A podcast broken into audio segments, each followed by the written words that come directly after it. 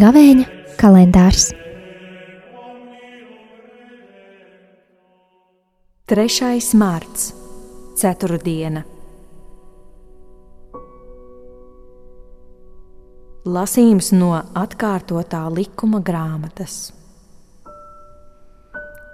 Mūzus uzrunāja tautu sacīdams: Redzi, šodien es nolieku tavā priekšā dzīvību un laimi, vai arī otrādi - nāvi un nelaimi. Ja tu klausīsi kunga, sava dieva baušļiem, kurus es tev šodien dodu, lai tu mīlētu kungu, savu dievu, un staigātu viņa ceļus, un pildītu viņa pavēles, baušļus un likumus, tad tu dzīvosi. Un viņš tevi vairos un tevi svētīs tajā zemē, kuru tu dodies iegūt.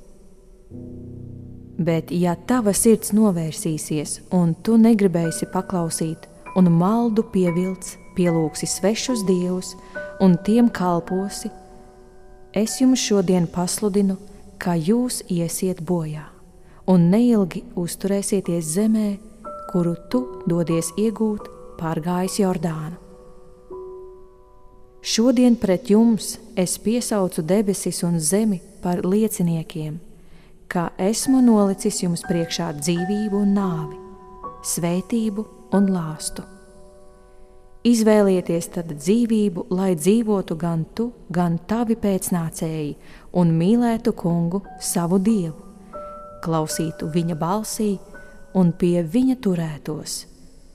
Viņš taču ir tava dzīvība un ilgs mūžs, un lai tu dzīvotu zemē, par kuru kungs bija zvērējis taviem tēviem, Ābrahamam, Īzākam un Jēkabam, kad to atdos viņiem. Tie ir svēto rakstu vārdi.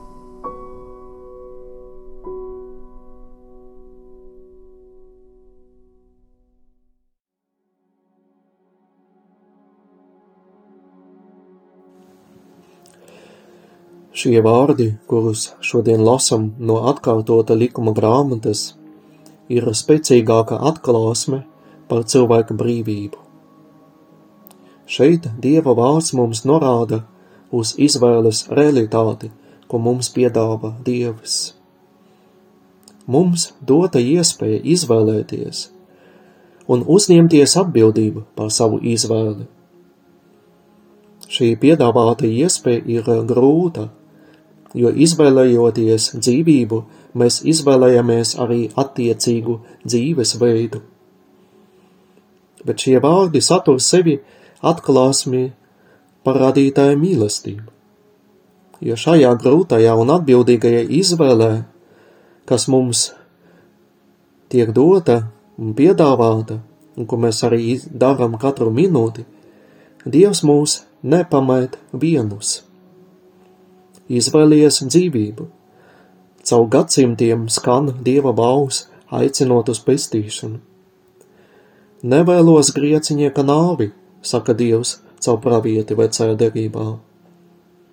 Dzīvība, kuru piedāvā mums izvēlēties Dievs, nozīmē, lai mēs mīlētu Dievu, paklausītu Viņam, censtos vienoties ar Viņu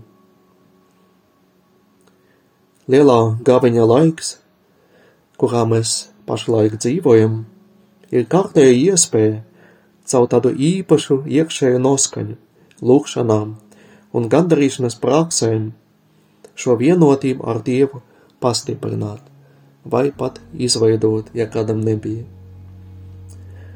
Atteikšanās no ļaunuma un grēkā šajā laikā ļaus mums būt brīviem un laimīgiem.